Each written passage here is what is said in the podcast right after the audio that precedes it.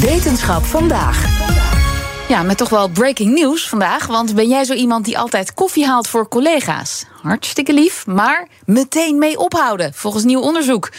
Ja, Carlijn, uh, jij komt hier ook nooit met koffie binnen. Misschien Nee. gaan we nu begrijpen waarom. En dat is precies om deze reden, inderdaad. Kun jij als wetenschapsredacteur dan even uitleggen waarom we daarmee moeten stoppen? Zeker, zeker. Het heeft alles te maken met ons zitgedrag.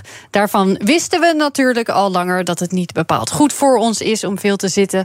En daar wilde Pam ten Broeke tijdens haar promotieonderzoek aan de Radboud Universiteit meer over weten. Toen ik hiermee begon, toen was het te veel en te lang zitten. Vooral op kantoor was best wel een hot topic. Daar had je op een gegeven moment ook die one-liners zoals zitten is het nieuwe roken bijvoorbeeld. Dus eh, dat sprak mij wel heel erg aan. Want ik vind eigenlijk al het gedrag wat te maken heeft met onze gezondheid, vind ik heel erg interessant. En toen heb ik gekeken wat voor onderzoek er allemaal al naar werd gedaan. En toen kwam ik er dus achter dat ja, we hebben al best wel wat strategieën die ons zouden kunnen helpen om minder te zitten of om vaker op te staan. Zoals zit-sta-bureaus of ehm, slimme horloges die je dan zo'n seintje geven op het moment dat het tijd is om op te staan. En onderzoek liet eigenlijk zien dat dat op de korte termijn wel best wel goed werkt. Maar dat mensen op de lange termijn ja, eigenlijk een beetje stoppen met luisteren naar die interventies. Of ook bijvoorbeeld hun bureau niet meer omhoog zetten. Ja, eigenlijk hebben we dus gewoon nieuwe strategieën nodig om mensen minder te laten zitten. En om die te vinden is ze eerst gaan kijken waarom zitten we eigenlijk als we zitten en wanneer doen we dat vooral en waar. Ja, nou, hoe kom je daarachter? Ja, eerst heeft ze gekeken wat is er allemaal al onderzocht. Uh, wat zeggen andere onderzoeken? Wat zegt de psychologie over ons gedrag? En wat zie je als je dat dan weer toepast op dat zitten? En toen kwamen ze tot deze conclusie. Mensen gaan zelden zitten omdat ze per se willen zitten.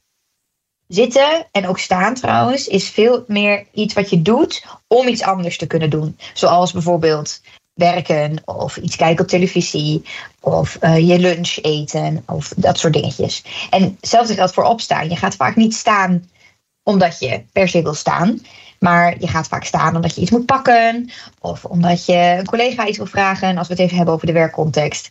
Dus dat is voor ons wel een heel belangrijk inzicht het waarom van het zitten of staan heeft vaak te maken met iets anders wat we aan het doen zijn. Ja, dat gaf dus eigenlijk meteen ook antwoord op de vraag waarom zo'n 30 minuten seintje van je horloge niet echt goed werkt. Omdat het je elke keer stoort midden in dat je iets anders aan het doen bent. Dus stel je voor dat ik nu straks uh, midden in dit gesprek met jou een trillend horloge heb wat zegt: ja, jee, het is tijd om op te staan. Ja, dan dat wordt op een gegeven moment heel frustrerend voor mij. Want dan is het elke keer midden in mijn taken, waar ik ook mijn aandacht bij wil houden, krijg ik elke keer zo'n storend signaal dat het tijd is om op te staan. En waarom? Ja, dat is beter voor mijn gezondheid over 20 jaar. Dus dat werkt gewoon op de lange termijn niet zo goed voor mensen. Dan gaan mensen heel snel het even wegklikken van, oh, ik ben nu even ergens anders mee bezig. En voor je het weet zit je alweer een paar uur achter elkaar. Maar heeft ze dan een andere manier gevonden waarop het wel werkt? Uh, Ten Broeke kan naar aanleiding van haar onderzoek inderdaad een aantal aanbevelingen doen. De belangrijkste daarvan is eigenlijk dat je de focus moet verleggen van minder zitten naar vaker opstaan. Ten eerste. Want vaker opstaan, dat is veel concreter. Veel concreter qua actie. En het blijkt ook uit eerder onderzoek dat zitten op zichzelf niet per se heel slecht voor ons is. Maar het is vooral als je heel lang achter elkaar zit. Dan gaat je lichaam in een soort spaarstand. En dan wordt het slecht voor allerlei processen in het lijf. En dus is het niet zozeer erg als je op een dag acht uur zit. Maar het is met name heel belangrijk dat je dat regelmatig even onderbreekt met een pauze waarin je het lichaam weer actief krijgt en het bloed bijvoorbeeld weer laat stromen. Ja, dus de focus verleggen. En daarnaast moeten we proberen het ook nog eens zo in te delen dat het ook echt realistisch is in ons schema. Misschien moeten we inderdaad afstappen van dat stukje elke 30 minuten opstaan. Maar moeten we veel meer kijken hoe past het in de dagelijkse activiteiten die we toch al aan het doen zijn. En als dat betekent dat je bijvoorbeeld na elke Netflix-aflevering van drie kwartier of van 50 minuten even opstaat. Maar als je dat wel kan volhouden op de lange termijn, dan is dat veel beter aan te raden dan dat je zo'n horloge koopt dat je elke 30 minuten midden in een aflevering een seintje geeft om op te staan.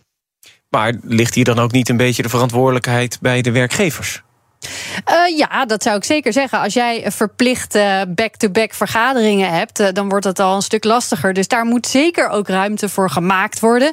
En dat zei Ten Broeke ook. Dat is eigenlijk meteen ook dubbele winst. Want die regelmatige korte pauzes zijn ook nog eens goed voor je productiviteit en Ah, creativiteit. En maakt het dan ook nog uit hoe lang je opstaat van je stoel en wat je gaat doen? Daar zijn onderzoekers het nog niet helemaal over eens. Een paar minuten heen en weer lopen zou al een positief effect hebben op de stofwisseling. Bijvoorbeeld, dat is ook iets wat Ten Broeke zelf in vervolgonderzoek nog verder wil gaan bekijken. Rekening houden met of dat dan wel ook echt haalbaar is voor mensen dus. Maar ze kan al wel advies geven op basis van wat ze tot nu toe heeft onderzocht. Wissel het af. De ene keer doe je alleen even na drie kwartier heel even je benen strekken door een kopje koffie te gaan halen. Maar de andere keer doe je even een kort wandelingetje naar je collega. Of doe je echt even een, een wandelingetje van 10 of 20 minuutjes buiten. En op die manier, ja, het gaat eigenlijk veel meer over de, de dynamiek tijdens de dag. Van zitten, bewegen, wat intensiever bewegen, alleen even kort opstaan. Dat is eigenlijk vooral waar je, waar je naartoe wil. Ja, en dus stoppen met koffie halen voor collega's. Die moeten zelf maar opstaan. Precies, want dan uh, staan die collega's juist weer minder op als je het voor ze gaat halen. Dus je kunt beter zeggen: hey, uh, loop je even mee, halen we samen even oh, koffie. Maar, maar Carlijn, Liesbeth en ik staan gedurende deze hele 2,5 uur van de uitzending. Mag ik nu wel wat halen voor Liesbeth? Ik zou zeggen, ja, je mag wat halen voor Liesbeth. Oh, te veel staan is overigens ook nou. weer niet goed. Oh Dus, jee. dus je moet ook niet de hele dag alleen maar blijven halen staan. even zitten. Dat lijkt me heel goed als Ah, je toch al staat. Liesbeth, Oh, wil jij thee dan? Of Ja, niet? graag. Kondig jij aan wat er straks gaat komen? Ga ik nu thee halen? ja, nog even goed om te weten. Haar promotie is 22 juni. En die is ook online te volgen. Mocht je er meer over willen horen. Linkje staat zo bij de audio. En dan staand kijken. Ja. Dankjewel, Carlijn. De ondernemers Esther van de Hoeven en Iris van Beers richten in 2020 Mixblik op. Wat begon als een kleinschalig sociaal project, is inmiddels uitgegroeid tot een bedrijf dat elk jaar 100.000 verse maaltijden in blik bereidt. Esther en Iris helpen hiermee migrantenvrouwen op weg naar een betaalde baan. Maar welke inzichten helpen hen bij een gezonde groei van het bedrijf? Je leest het op partner.fd.nl/slash exact. Exact. Uitzicht begint met inzicht.